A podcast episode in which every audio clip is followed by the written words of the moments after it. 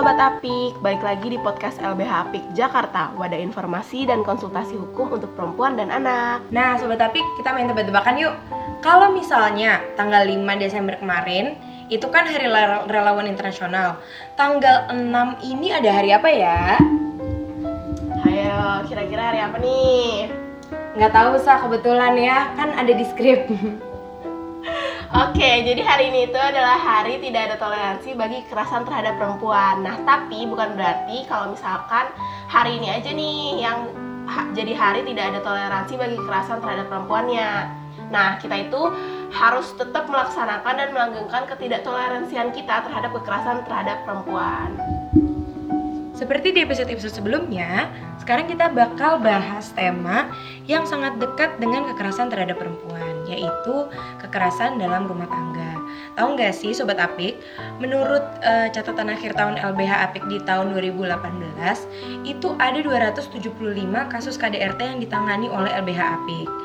Terus yang kedua itu ada kasus perdata keluarga di mana mencakup perceraian berdimensi KDRT sebanyak 180 kasus. Jadi kalau di total-total sebenarnya kasus KDRT itu adalah salah satu kasus yang paling sering terjadi di 2018. Nah, bener banget nih kata Riri tadi. Jadi untuk membahas lebih lanjut perihal KDRT ini, kita udah kedatangan narasumber yang merupakan mitra dari LBH Apik Jakarta yaitu Ibu Siti Rubaidah. Ya, selamat siang.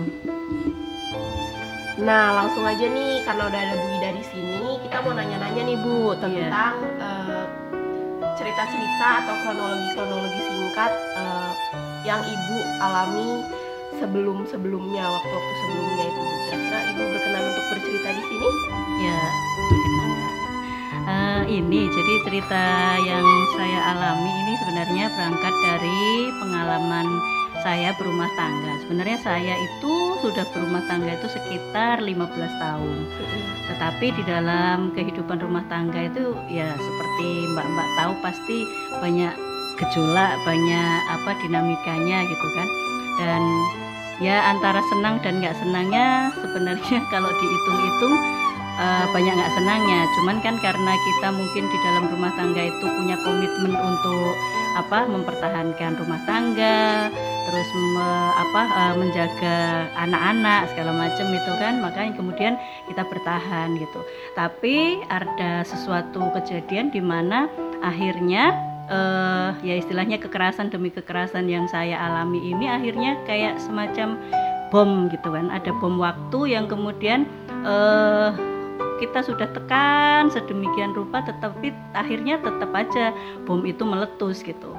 Dan pemicunya saat itu adalah karena ternyata uh, suami saya itu memilih dia menikah lagi dengan perempuan lain ya istilahnya poligami lah gitu. Uh, jadi dia menikah siri dan itu tanpa sepengetahuan saya begitu kan. Tanpa izin tanpa sepengetahuan tahu-tahu dia sudah nikah siri begitu kan. Dan apa ya itu tadi ketika kita tahu apa kita tahu gitu kan semuanya sudah sudah sudah begitu terjadi dan kemudian kita minta dia apa istilahnya meninggalkan si perempuan itu juga nggak bisa gitu kan.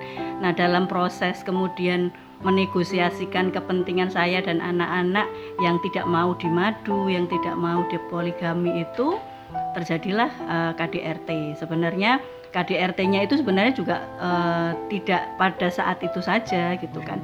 Ada banyak rentetan-rentetan KDRT tetapi yang kemudian uh, sempat um, meledak dan itu kemudian saya laporkan karena uh, ada istilahnya setelah kejadian KDRT itu ada luka fisik, ada lebam, ada memar-memar gitu kan. Yang kemudian uh, saya ketika saya melapor ada hasil catatan medisnya itu bisa menjadi uh, apa istilahnya satu alat bukti yang dinamanya kan apa visum uh, etropertum itu terus uh, berarti selama proses pelaporan itu nggak ada masalah ya bu ya? Uh, kayak selama mengumpulkan bukti selama itu apa ada kendala yang dialami? Hmm. kalau di dalam proses pelaporan sampai kemudian ke tahap apa eh, penyerahan berkas ke kejaksaan sampai proses persidangan itu sebenarnya nggak ada kendala yang berarti. Kalaupun ada kendala ya apa eh, inilah biasa kan kayak teror-teror apa teror-teror yang kemudian diberikan pelaku terhadap saya selaku korban segala macam gitu kan. Terus ancaman-ancaman begitu gitu kan. Karena eh, ada proses juga ketika saya melaporkan KDRT dia juga melaporkan saya balik. Padahal kan kalau di dalam undang-undang LPSK sebenarnya korban maupun saksi kekerasan terhadap perempuan kan tidak boleh dikriminalkan Nah, dalam kasus KDRT yang saya laporkan ini ternyata si pelaku mengkriminalkan saya balik dengan mengajukan tiga tindak pidana. Satu, tindak pidana pencurian dalam rumah tangga, dua, tindak pidana penelantaran anak, dan ketiga, tindak pencemaran nama baik. Cuman dari dua kasus yang dilaporkan, yang pencurian dalam rumah tangga dan penelantaran anak, setelah diproses oleh pengadi apa uh, oleh polisi ternyata tidak ada cukup bukti digugurkan kan? Nah tinggal satu yang kemudian pencemaran nama baik. Nah pencemaran nama baik ini sebenarnya uh, prosesnya sudah sampai pada tahap uh, jadi saya sudah tersangka pada saat itu karena dianggap apa sudah prosesnya sampai P21 nah itu karena saya se apa ketika habis KDRT kemudian kan saya sempat diusir dari rumah terus hampir empat bulan gitu kan empat bulan nggak bisa ketemu anak-anak. Nah di dalam proses kemudian tidak bisa bertemu anak-anak itu saya mencoba mencari keadilan uh, lewat menggalang petisi yaitu lewat petisi changeorg.com untuk apa ya istilahnya uh, untuk bisa ketemu anak saya, anak-anak saya lewat petisi itu yang kebetulan sempat ditandatangani oleh sekitar 7000 apa uh, penanda tangan saat itu yang saat itu memang Change ORG juga baru apa baru awal-awal melansir apa uh, gerakan petisi untuk uh, mendukung apa gerakan apa gerakan perempuan untuk anti kekerasan begitu kan. Nah, itu dari dasar itulah kemudian saya uh, pencemaran nama baik yang dilaporkan oleh Bapak itu kemudian bisa bisa sampai tahap P21 dan saya sudah apa masuk tersangka gitu kan. Dan apa ya prosesnya sampai itu begitu. Sampai begitu. Itu itu apa kendala-kendala. Jadi uh, saya melaporkan ke DRT saya dilaporkan. balik. Nah itu itu salah satu kendala kendala yang lain banyak gitu kan. Ya selain kendala dikriminalisasi gitu kan eh, saya juga dilaporkan gugatan cerai gitu kan. Jadi ada kasus perdata juga yang saya apa diajukan gitu kan. Dan lucunya saya yang diusir dari rumah saya nggak bisa ketemu anak-anak. Di dalam gugatan cerai saya dilaporkan yang melakukan nusus Nusus itu kan kalau dalam bahasa hukum itu kan perempuan yang meninggalkan tanggung jawab sebagai istri gitu. Nah, jadi lucu kan gitu. Jadi kita yang diusir karena ada perempuan lain gitu kan malah kita yang digugat cerai dan kita dikatakan tidak melaksanakan tanggung jawab sebagai istri lucunya lagi pihak pengadilan agama gitu kan itu dalam pembuatan putusannya juga tidak mengacu pada putusan pengadilan negeri yang sudah memberikan vonis apa uh, jadi kalau kasus KDRT-nya kan akhirnya berjalan di proses persidangan dan dia kemudian mendapatkan uh, vonis satu bulan 15 hari gitu kan. Nah seharusnya kalau kemudian gugatan cerai diajukan di pengadilan agama kan dia harus merujuk tuh apa yang sudah ditetapkan oleh pengadilan negeri bahwa dia difonis bersalah gitu kan karena KDRT segala macam gitu kan. Tapi ternyata enggak itu diabaikan gitu kan. Pengadilan agama membuat keputusan sendiri sesuai dengan uh, kemauan si pelaku begitu. Kemauan pelaku yang akhirnya saya apa uh, apa gugatan cerainya itu dikabulkan. Dan saya karena apa dianggap nusus saya tidak berhak mendapatkan nafkah nafkah mut'ah idah dan macam-macamnya lah. Pokoknya hak sebagai istri yang digugat cerai itu saya tidak mendapatkan. Gitu. Nah itu itu kendala-kendala hukum ya. Dan yang terakhir eh, proses hukumnya itu eh, di dalam KDRT sebenarnya lu apa lempeng-lempeng aja gitu kan. Maksudnya eh, dari pengaduan penyidikan persidangan sampai vonis itu semuanya lancar gitu kan. Dan akhirnya si pelaku divonis satu bulan 15 hari atau total 45 hari lah begitu. Nah cuman ya itu tadi karena dia itu seorang pejabat publik gitu kan. Jadi lucunya ketika kita melapor kalau di dalam kasus yang biasa kan satu kali 24 jam pelaku langsung dipenjara.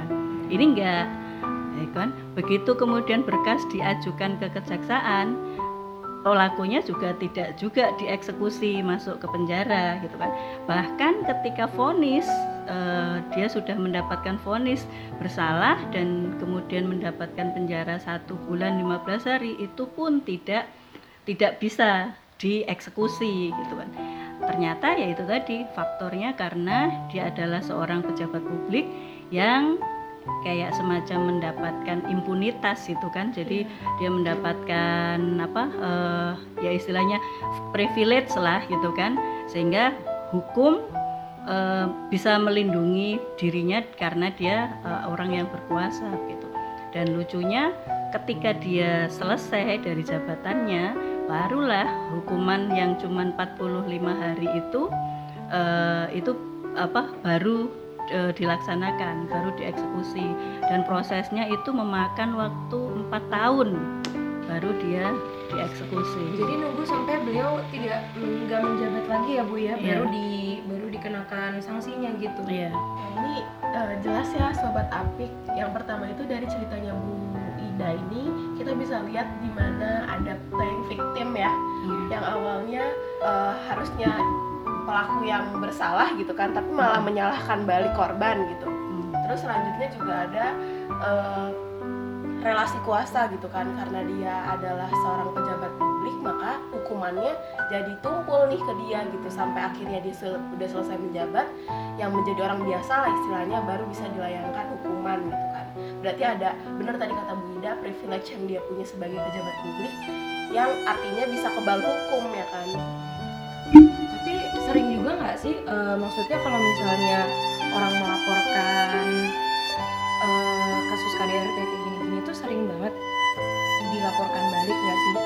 Dengan itu eh, pencemaran nama baik dengan pokoknya itu banyak gitu yang tahu-tahu bisa di itu kan ya bu ya berarti? Ya, banyak mbak kasus ya yang terjadi tidak hanya saya beberapa beberapa apa eh, korban yang saya tahu juga banyak kemudian yang mendapatkan kriminalisasi atau pelaporan eh, apa pen- eh, pelaporan balik kasusnya gitu. Terutama yaitu tadi oleh pelaku-pelaku yang dia punya istilahnya relasi kuasa yang lebih kuat gitu. Kalau masyarakat biasa sih biasa enggak kan gitu tapi justru untuk pelaku-pelaku yang dia punya apa eh, ya istilahnya punya status sosial, punya kekuasaan, punya power itu biasanya apa eh, si korban sering sering kali mendapatkan eh, pelaporan balik gitu. double double ya karena pasti kan ngurus segala sesuatu pelaku mulai dari pelaporan pengumpulan berkas dan segala macam itu kan membutuhkan tapi justru untuk mendapatkan sanksi kepada si pelakunya ini harus nunggu sampai beberapa waktu yang lama juga gitu kan Iya. ya bu Mm-mm. tapi kalau misalkan nih bu dari eh, prosedur kepolisiannya itu sendiri atau eh, pengadilan apakah itu udah ramah terhadap korban belum sih bu Eh, kalau di dalam proses yang saya apa hadapi saat itu sih ketika di kepolisian di awal-awal eh, saya mendapatkan apa perlakuan yang baik. Mungkin karena mereka juga tahu saya salah satu orang istilahnya istri orang terpandang begitu kan. Tetapi di dalam proses perjalanannya ketika kemudian kasusnya ini kayak istilahnya apa memang konfliknya sudah semakin apa menajam gitu kan. Ya istilahnya kan privilege saya sebagai seorang istri pejabat pun kan sudah sudah dianggap tidak tidak penting lagi begitu kan. Nah itu apa eh, ada saya merasakan beberapa apa ya istilahnya perlakuan perlakuan aparat penegak hukum yang tidak ramah terhadap korban gitu. Seperti misalkan di kejaksaan. Kejaksaan itu kan sebenarnya eh, kan dia sebenarnya kan manifestasi atau perwakilan kita sebagai korban di dalam melakukan tuntutan terhadap pelaku gitu kan. Nah, tetapi di dalam proses persidangan beberapa kali ketika eh, apa eh, teman pengat apa eh, kuasa hukum saya mencoba istilahnya men, apa eh, bertemu dengan pihak kejaksaan gitu-gitu kan untuk komunikasi atau apa mereka selalu menolak begitu. Nah, artinya kan apa eh, ya istilahnya sebagai perwakilan kita pun sebenarnya mereka ada di sisi lain begitu kan? Sehingga kemudian tuntutan hukumnya ketika di persidangan pun ya kita tahu ya seperti itu begitu. Hanya hanya istilahnya memenuhi syarat hukum aja kan begitu. Ya begitu. Nah itu sih kalau yang aku lihat di dalam proses apa eh, apa aparat penegak hukumnya ya. Sisa-sisanya ya akhirnya kembali lagi ke kita gitu. Kalau kita kemudian apa e, berjuang ya kita akan mendapatkan hak kita, tapi kalau kita diam saja ya akan susah mendapatkan keadilan itu. Iya betul banget tuh kata Ida ya. Berarti kita sebagai perempuan harus terus berjuang ya buat hak hak kita karena sering kali kan hak hak perempuan itu dipinggirkan ya oleh e, beberapa orang yang superior atau segala, segala macamnya itu ya kan. Uh, paling ibu untuk uh, harapan atau misalkan uh, apa yang ibu pikir kira-kira uh, fasilitas atau kebijakan apa yang sebenarnya itu bisa ada untuk mempermudah korban dalam memperoleh haknya? Ya. kalau harapan saya ya apa uh, undang-undang uh, PKDRT ini memang sebenarnya adalah apa sebuah undang-undang yang menurut saya sebuah terobosan bagus gitu kan. Cuman di dalam implementasinya memang kemudian masih banyak yang harus di apa uh, diselesaikan. Salah satunya ya mungkin uh, bagaimana undang-undang PKDRT ini kemudian bisa dipahami oleh aparat penegak hukum itu tadi gitu kan. Karena kan seperti itu undang-undangnya sudah bagus tapi kemudian implementatornya dia perspektifnya tidak punya perspektif apa pembelaan terhadap korban tapi dia perspektifnya yaitu tadi orang yang berkuasa orang yang ber, punya duit yang diutamakan itu kan nanti akan kemudian kayak berbalik gitu kan gitu. Artinya PR ke depan itu ya bagaimana kemudian eh, undang-undang uh, ini uh, kemudian bisa tersosialisasikan di antara penegak hukum gitu kan dan kemudian bagaimana mereka punya perspektif uh, apa keberpihakan terhadap korban sih itu itu sih yang mungkin saya perlu sampaikan. Yang lain saya mengira bahwa undang-undang PKDRT ini juga apa uh, kan ada upaya bagaimana melakukan penjeraan terhadap pelaku gitu kan gitu. Saya pikir sih uh, itu itu apa uh, pas juga gitu. Karena kalaupun kemudian tidak ada upaya hukum sama sekali kemudian bagaimana uh, kita mengurangi istilahnya mengurangi uh, apa pelaku-pelaku itu terus melakukan apa kekerasan itu agak susah gitu kan.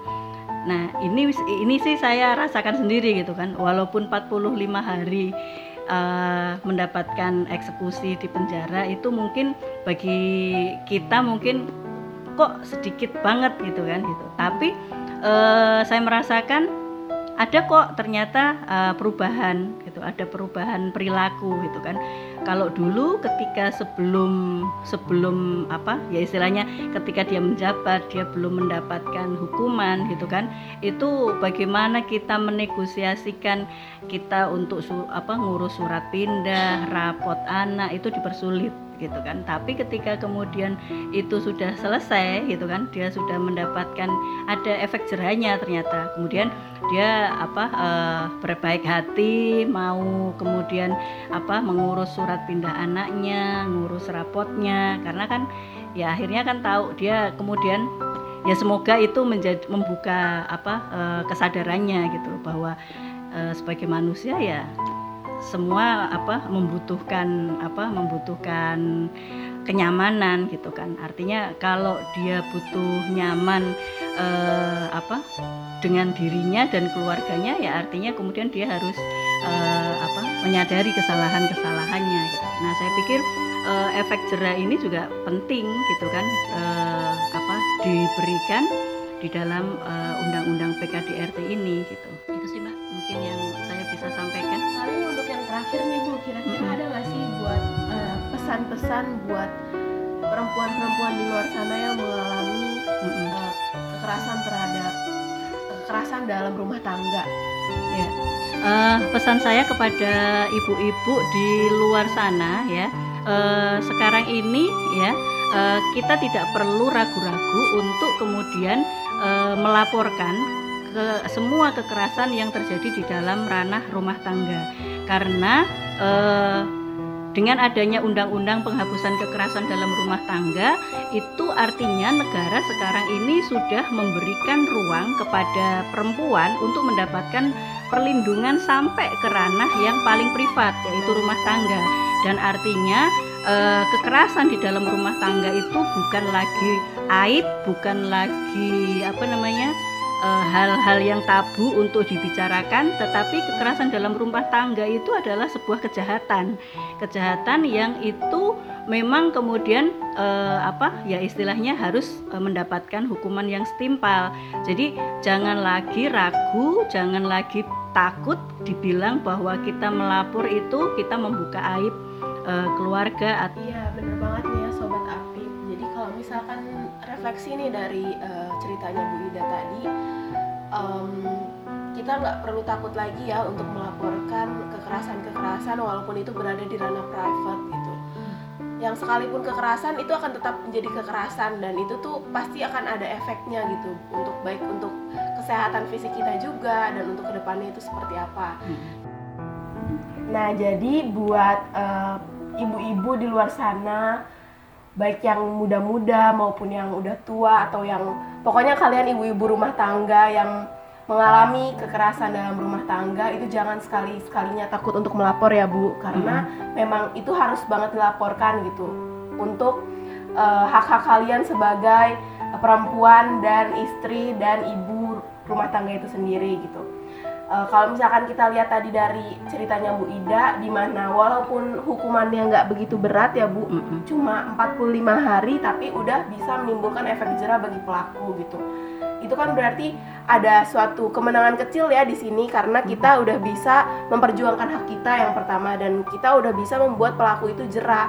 Bagaimanapun dia harus tahu bahwa apa yang dilakukan itu adalah salah dan ini bisa jadi pelajaran juga buat eh, orang-orang di luar sana yang mungkin memang masih takut untuk melapor dan masih merasa bahwa itu bukan kewenangan orang lain di luar rumah tangga dia gitu ya kan. Mm-mm.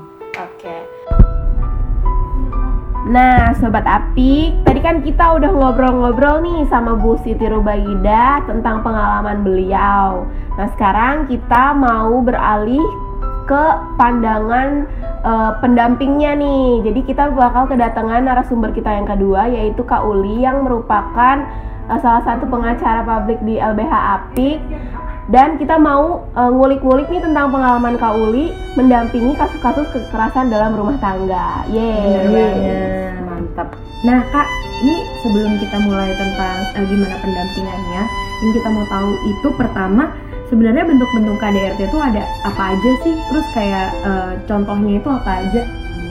Oke, terima kasih Sasa dan Riri sudah mengundang saya datang ke sini untuk mengisi podcast hari ini. Ya. Jadi kekerasan dalam rumah tangga itu ada empat bentuk.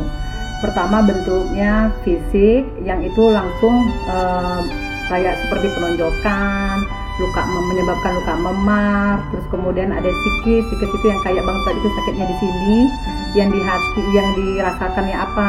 Bentuknya kayak meng- apa merendahkan harkat dan martabat kita sebagai manusia ataupun perempuan.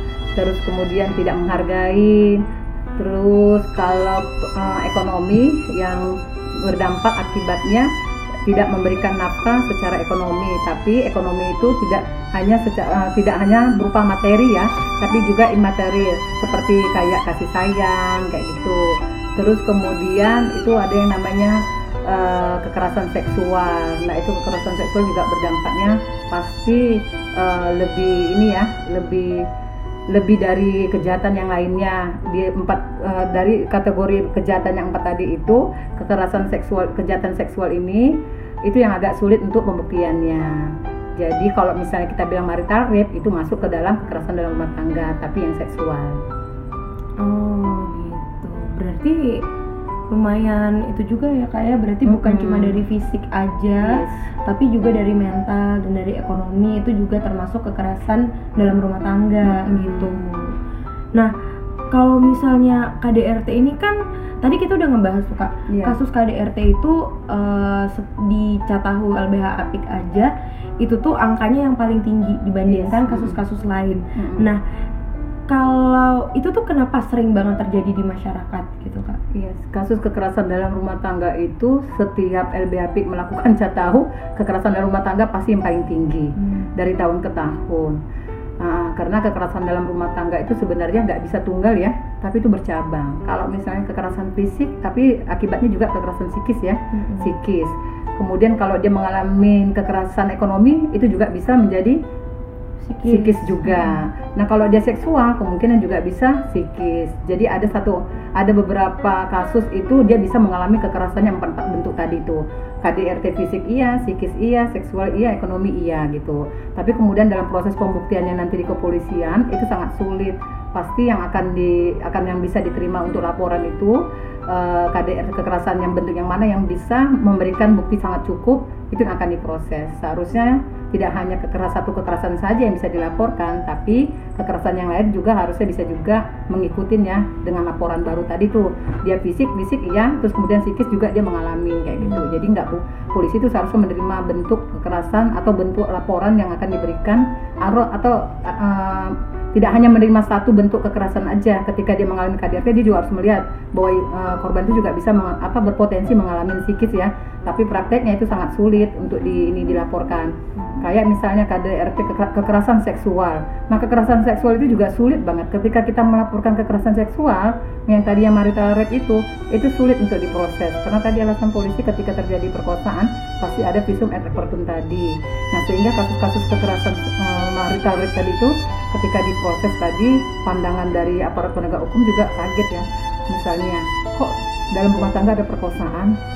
Nggak mungkin lah kan sudah sah. Jadi perkosaan dalam perkawinan itu dianggap tidak pernah terjadi karena selalu dikategorikan ketika kita menikah bahwa hubungan seksual itu dilakukan pasti dengan suka sama suka atau juga bahwa itu merupakan kewajiban untuk melayani ya. Jadi sangat sulit. Jadi kalau misalnya ada kasus marital rape pasti dilaporkannya itu fisik kekerasan fisiknya tapi bukan kasus kekerasan seksualnya saja karena perlu untuk pembuktiannya tadi. Nah nggak jarang ketika ada kasus-kasus kekerasan berumah tangga korban malas tuh melaporkan kasusnya. Karena tadi tuh karena belum juga respon dari APH-nya tadi. Ketika dia sudah berani melaporkan ternyata aparat penegak hukumnya juga nggak punya respon yang baik gitu. Cenderung malah menyalahkan korban. Nah kalau misalnya KDRT-nya fisik cuman dianggap memar, lebam, tapi dia bisa melakukan aktivitas. Polisi cenderung banget ya, ya sudahlah ibu, masih ini lebam, itu juga ibu bisa melakukan aktivitas. Nanti aja kalau melapor lagi. Nah, nah maksudnya pencegahan-pencegahan dari awal, kekerasan yang dari awal sudah dilaporkan itu nggak direspon oleh polisi. Besok-besok kalau misalnya mengalami kekerasan yang lebih dahsyat lagi kan dia juga malas ya hmm. untuk melaporkan kembali kasusnya gitu. Cenderung seperti itu. Nah, ketika perempuan berani untuk melapor, ketika korban mulai berani untuk melapor tapi kan responnya juga nggak ini nggak baik ya nggak nggak ini nggak positif dari API-nya sendiri. Nah kalau misalnya sudah seperti itu akhirnya dia mundur lagi. Mundur lagi untuk melaporkan kasusnya. Nah kalau misalnya sudah oke okay nih lapor diterima laporannya eh difasilitasi untuk mediasi.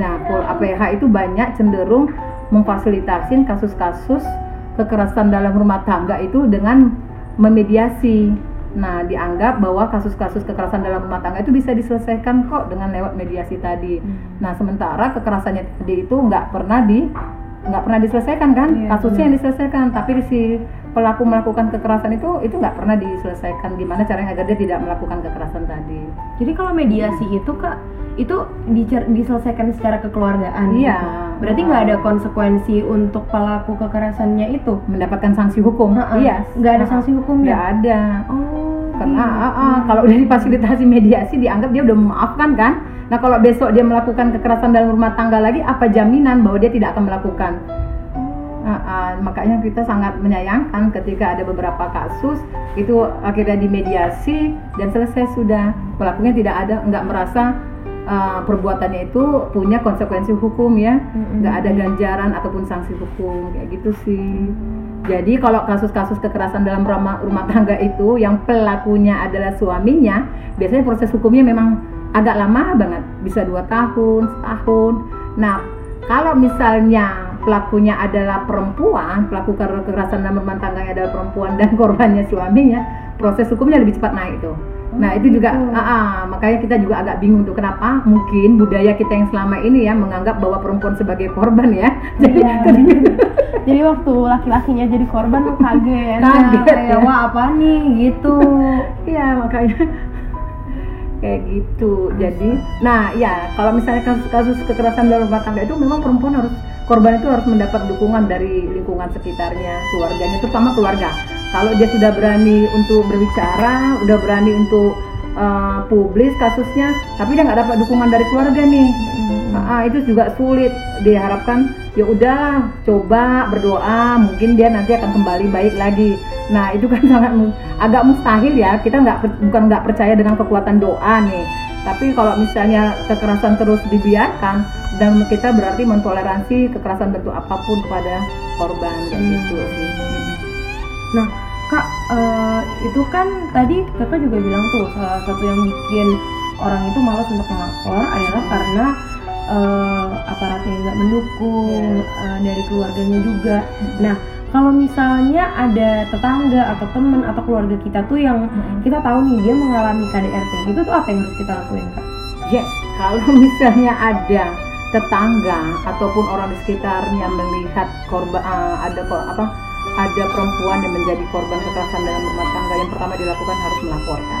Kita yang melaporkan. Iya, kita harus melaporkan karena kekerasan dalam rumah tangga itu bukan lagi masalah antara suami dan istri ya, Mm-mm. tapi itu menjadi masalah bersama karena udah ada undang-undangnya kan. Ah, jadi jangan uh, selama ini kan yang kita ketika ada tetangga yang punya respon baik selalu di, uh, dikatain misalnya ini kan urusan suami uh, urusan gue sama istri gue terserah gue mau ngapain gitu ya. Kira ikut campur ikut gitu, campur. Nah memang kita wajib untuk ikut campur. Karena kalau misalnya kita membiarkan kita nggak tahu dampaknya nanti seperti apa. Yang pertama kita lakukan itu harus melapor. Minimal kita melapor ke RT RW setempat. Agar pejabat setempat pejabat daerah setempat mengetahui bahwa di eh, lingkungannya tuh ada nih kekerasan dalam rumah tangga gitu. Terus dia bisa memfasilitasi merespon dengan cepat. Tapi kalau misalkan kasusnya justru yang ngelaporin itu ternyata kayak malah nggak direspon baik sama eh, RT RW sekitar oh, oh, gitu oh, ya. Lingkungan sekitarnya itu gimana kak? Ya, makanya itu dari kita harus melibatkan peran RT RW sebenarnya ya. Uh, kalau itu nggak direspon, nah ini agak sulit ya karena KDRT itu delik aduan yang bisa melaporkan itu adalah korban ya. Tapi kita juga bisa merespon, merespon atau melakukan pencegahan gitu. Nah bisa aja kita mendatangi kayak uh, kalau di tingkat apa namanya, yang polisi-polisi masyarakat itu kamtipmas ya. Kak Babin Kamtipmas ya kalau nggak salah ya. Nah kita bisa melapor ke situ untuk di iniin untuk dilakukan misalnya peneguran awal kenapa bisa terjadi gitu. Minimal ada yang mengetahui kekerasan itu terjadi di rumahnya gitu. Nah selama ini kan banyak orang-orang nggak tahu kekerasan terjadi karena ruang apa tempat kejadiannya itu yang privat tiba-tiba istrinya nggak keluar menjadi jerit kita nggak tahu apa yang terjadi. Nah itu kita nggak mengetahui hanya kita mendengar gitu. Tapi kalau kita melihat langsung itu udah kewajiban kita untuk langsung untuk me- apa namanya memberi teguran atau melaporkan. Kita nggak bisa mentolerir kekerasan itu. Hmm, jadi kalau misalnya nih eh, yang bisa kita lakukan sebagai eh, sebagai saksi gitu Mm-mm. misalnya ya, itu berarti melaporkan hanya sampai sebatas eh, ke ke polisi gitu ya. Iya. Kalau misalnya Mm. eh, orangnya itu nggak mau lanjut berarti kita memang nggak bisa nggak bisa nggak bisa ini karena delik aduan Oh, jadi hanya korban yang bisa melaporkan dan kalau misalnya dia memaafkan mencabut laporannya sudah selesai Berarti secara nggak langsung kita kayak memfasilitasi juga ya kak. Maksudnya kayak Mhm. menyalurkan Mm-mm. si korban ini untuk bercerita, atau Bercerita. enggak em, mem- menceritakan kejadian di kekerasan di dalam rumah tangganya itu. karena banyak korban tuh nggak tahu kalau dia mengalami kekerasan. Nah, karena dianggap itu wajar saja. Kadang-kadang dia cenderung menyalahkan dirinya sendiri kan. Oh iya aku dipukul karena aku nggak ini nggak nurut. Oh iya aku dipukul karena aku nggak ini gitu. Karena terbiasa menjadi korban dia menganggap kekerasan apa pun itu menjadi hal yang biasa gitu. Dan cenderung dia akan menyalahkan dirinya sendiri.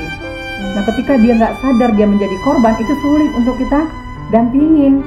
Karena dia aja nggak paham bahwa dia korban gitu Nah, kalau misalnya dia sadar dia korban, baru kita menginformasikan, menginformasikan mungkin apa yang harus dilakukannya. Ibu korban loh, ibu korban dan ibu harus melaporkan karena ibu punya hak gitu. Ibu manusia dan nggak satu orang pun berhak untuk melakukan kekerasan kepada dia maupun uh, walaupun itu suaminya sendiri. Nah, kita informasikan seperti itu bahwa dia korban, dia harus melaporkan. Karena kebanyakan perempuan yang menjadi korban itu kadang nggak paham bahwa dia di posisi korban. Karena dia menganggap kekerasan itu hal yang wajar dan biasa. Kan nanti juga dipukul biasa nanti juga udah ini gitu. Nah cenderung menyalahkan diri sendiri. Mungkin di dalam rumah tangganya ketika suaminya melakukan pemukulan atau melakukan kekerasan dia juga disalahkan gitu kan. Ya iya kamu nggak bikinin kopi ya saya pukul gitu. Misalnya iya iya kamu nggak ini. Ya saya marahin nah kayak gitu gitu jadi hal yang biasa dianggap gitu. Nah itu juga ketika perempuan tidak berani melaporkan lagi tadi itu karena dia ketergantungan ekonomi. Kalau dia ketergantungan secara ekonomi sama suaminya gimana dia mau melaporkan suaminya? Benar. Ah, ah, mungkin ada ancaman. Kalau kamu laporkan saya kamu nggak bisa mendapat ini. Kalau kamu laporkan saya anak-anak nggak bisa sekolah. Nah nanti juga itu sampai itu di kepolisian. Misalnya ibu yakin mau melaporkan suami ibu Oh nanti dari, siapa? dari mereka juga bilang ada beberapa yang mau Oh. mau ini mau bertanya kayak gitu nggak mengomentari kayak gitu. Terus siapa yang akan nafkain gitu? Nah, itu sering gitu. Jadi kalau misalnya korban langsung di di pojokan dia dia jadi bingung kan? Yang tadinya udah mau berani melapor sudah ini sudah siap tapi karena tadi nggak ada dukungan dari orang-orang terdekat begitu juga di APH-nya sendiri ya down lagi. Karena BAP itu kan bisa panjang ya proses hukum itu bisa panjang. Nah akhirnya ketika perempuan menjadi korban kekerasan dalam rumah tangga dia nggak akan mau memilih proses hukum yang sangat panjang tadi. Sangat butuh waktu. Ya kan? Tidak hanya materi eh, materi juga waktu juga. Akhirnya dia milih yang proses yang paling cepat. Tadi cerai. Digugat selesai putus nggak ada hubungan. Nah akhirnya si suami tadi nggak apa nggak nggak nggak ini nggak mendapatkan sanksi apa pun kan? Nggak ada efek jerah buat dia nggak ada sanksi hukum buat dia ketika dia melakukan kekerasan. Dia merasa ya udah nanti juga cerai selesai gitu kan? Nah besok dia punya lagi pasangan dia melakukan lagi hal yang sama gitu. Padahal undang-undang itu dibuat undang-undang apa penghapusan kekerasan dalam rumah tangga dibuat itu kan berlaku untuk siapa pun ya. Tidak hanya buat perempuan kan tapi buat laki-laki buat anak buat keluar apa PRT semua berlaku gitu. Jadi bentuknya untuk melindungi. Kadang-kadang kan orang eh, perspektifnya beda. Bahwa undang-undang PKDRT dibuat untuk menceraikan gitu. Nah itu yang kayak kayak gitu. Jadi kita harus benar-benar sosialisasikan benar-benar harus kita informasikan bahwa undang-undang ini ada agar semua orang tahu ketika dia melakukan kekerasan dalam rumah tangga ada loh sanksi hukumnya kayak gitu. Oke, oke. Berarti itu sendiri merupakan itu tadi yang kayak eh, proses pelaporannya, terus eh, penyadaran ke korbannya itu Mm-mm. juga merupakan suatu kendala ya kak. yes Kalau misalkan memang korbannya sendiri masih belum tahu kalau dia itu Sebagai sebenarnya korban. Mm-mm. Kalau misalkan kendala lain dari kak Uli selama mendampingi kasus KDRT itu sendiri di proses Kak? hukum proses hukum. Ah, karena kami sulit ya untuk melakukan pembuktian. Nah, kekerasan dalam rumah tangga tadi itu terjadinya di mana? Privat kan, wilayah privat yang cenderung orang nggak tahu, nggak pernah melihat. Dia mukul istrinya, itu dilakukan di kamar, tertutup. Siapa yang melihat? Nggak ada yang melihat dia melakukan pemukulan kan? Tapi mungkin PRT-nya ataupun anaknya mendengar bahwa ada suara nangisan atau suara minta tolong kayak gitu.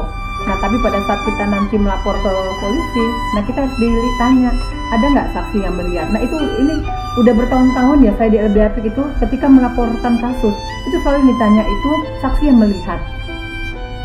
Iya. Nah, saksi yang melihat siapa yang melihat kejadian kalau wilayahnya privat dan terkunci kayak gitu.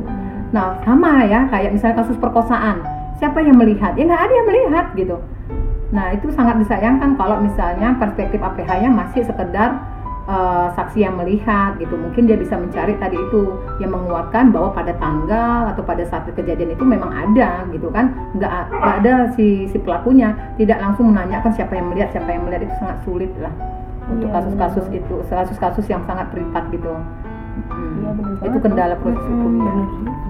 Karena kalau dia lagi di dalam rumah, Hmm. nggak mungkin ya misalkan lagi berdua doang, terus nggak ada yang lihat, terus Iya. disuruh ada saksi. ya siapa? kadang kadang malah suaminya kan sengaja sengaja di tempat yang tertutup biar nggak ada yang bisa lihat nggak mungkin Eh, dia nggak mungkin dia mukulin kayak di di supermarket gitu atau di di taman kota gitu kan nggak mungkin Iya benar banget. diminta saksi siapa coba Ah, ah. saksinya saksi korban doang kan iya benar benar nah itu agak sulit ya buat kita ya uh, ketika melakukan pendampingan untuk ada saksi yang lain nggak? Ya nggak ada. Kayak kayak gitu. Kalau misalkan untuk jalur pelaporannya sendiri gimana sih kak untuk KDRT? Ah, ah, ketika dia ada terjadi uh, apa namanya kasus korban kekerasan dalam rumah tangga, dia butuh untuk penguatan atau konsultasi hukum, dia bisa datang ke LBH Apik untuk mendapatkan pertolongan pertama sebenarnya ya. Terus kemudian nanti kita akan memberikan uh, apa namanya uh, tahapan-tahapan apa yang harus kita lakukan bersama-sama agar uh, kasusnya bisa diselesaikan gitu. Kita nggak bisa memaksa ketika dia menjadi uh, seseorang apa seseorang datang ke LBH Apik, dia korban terus kita paksa untuk melapor ke polisi itu nggak bisa. Kita harus bisa melihat kondisi psikologisnya dulu ya. Kalau memang dia siap, berarti kita juga siap untuk mendampingin. Kalau dia hanya butuh untuk konsultasi, kita akan memberikan penguatan. Tidak hanya penguatan untuk eh, ini ya eh, proses hukumnya, tapi kita juga memberikan penguatan untuk kondisi psikologisnya. Pertolongan pertama itu kayak dia harus percaya diri, terus dia harus move on tadi itu. Dia harus bisa apa? Bisa ber- apa namanya ya? Bisa memutuskan apa yang harus dia lakukan gitu. Jadi korban yang datang ke LBAB itu biasanya kita rujuk dulu ke Yayasan Puli untuk mendapatkan penguatan konseling tadi. Nah kalau dia juga bisa memutuskan proses apa yang bisa diambil, baru kita diskusikan bersama-sama lagi untuk melakukan proses hukum lebih lanjut. Kayak gitu. Eh, aku tuh pernah itu ya kak Mm-mm. pernah diceritain sama temanku gitu katanya dia pernah punya tetangga yang mengalami KDRT tapi dia tuh bingung mau gimana gitu. Karena banyak memang banyak banget eh, masyarakat di luar sana yang begitu mengalami KDRT mereka nggak tahu harus berbuat apa gitu. Mereka nggak tahu harus merujuk ke siapa apalagi kalau misalkan mereka sama sekali nggak punya power nggak punya kekuasaan nggak punya apa-apa gitu. nggak punya wewenang dan mereka takut untuk melaporkan karena takut digini-giniin sama suaminya atau Iya. takut digini-giniin sama keluarga suaminya atau takut digini-giniin sama keluarga besarnya gitu makanya sebenarnya eh, pengetahuan ini tuh perlu banget kita tahu ya semuanya untuk yang mau sudah berumah tangga atau akan berumah tangga gitu ya kan mengenai eh, kekerasan dalam rumah tangga dan cara pelaporannya ya kan Nah, nah untuk menutup diskusi kita siang ini, ini pertanyaan terakhir ya kak ya. Yes. Kan eh, ini yang ngedengerin sobat Apik itu ada banyak backgroundnya, banyak ceritanya yang kita juga nggak tahu. Nah untuk sobat Apik yang mungkin sedang berada di dalam situasi KDRT atau tahu seseorang yang lagi eh, mengalami situasi yang kakak jelasin dari tadi, itu kakak punya pesan-pesan nggak buat teman-teman? Oke, pesannya sih jangan takut untuk melapor, kemudian eh, tetap terus semangat. Kalaupun dia tidak berani saat itu melapor, apa, melaporkan kasusnya, dia cari orang terdekat yang memang bisa, eh, yang, bi- yang memang bisa untuk apa, menjaga kerahasiaannya gitu. Jadi dia cari orang terdekat yang memang tidak akan mempublikasi kasusnya gitu, tapi akan memberikan solusi. Jadi ketika dia tahu harus melap- apa, melakukan apa, uh, ketika dia sudah siap untuk melaporkan kasusnya, karena nggak semua korban itu berani untuk melapor ya. Ada beberapa yang masih mau menahan. Nah, ketika dia sudah siap untuk melaporkan kasusnya, datang ke LBAP ataupun ke lembaga layanan yang terdekat untuk mendapatkan bantuan pertama. Oke, semoga ini bermanfaat ya dari tadi berbobot banget obrolannya nonstop.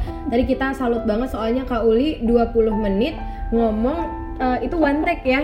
Sobat Apik eh, kalau eh, butuh informasi ini kita senang banget. Jadi ini udah, cepet ya selesainya sa alhamdulillah gitu Kita jadi seneng ya. Ria, kita jadi semangat juga closingnya gitu loh Makasih Oke. banget ya buat uh, Kak Uli yang udah mau memberi informasi Yes, dan insight sama-sama. dari tadi. Dan makasih Bu juga buat Sobat Apik yang dengerin dari awal sampai akhir. Semoga juga podcast kali ini tuh bisa memberi pencerahan nih buat sobat apik ataupun eh, siapa pun kalian yang mendengarkan podcast ini mengenai kasus-kasus KDRT dan bagaimana cara menyikapinya. Nah, seperti biasa di akhir podcast diingatkan lagi ya Sobat Apik, kita menunggu masukan, saran, kritik dari Sobat Apik untuk evaluasi podcast kita selanjutnya. Kalau mau, boleh kirim eh, insight-nya ke Instagram at lbhapik.jakarta. Dan untuk sobat apik yang masih penasaran nih besok kita bakal bahas apa lagi, tetap stay tune di podcast kita. Wujudkan keadilan perempuan dan anak, Jangan diam, lindungi korban.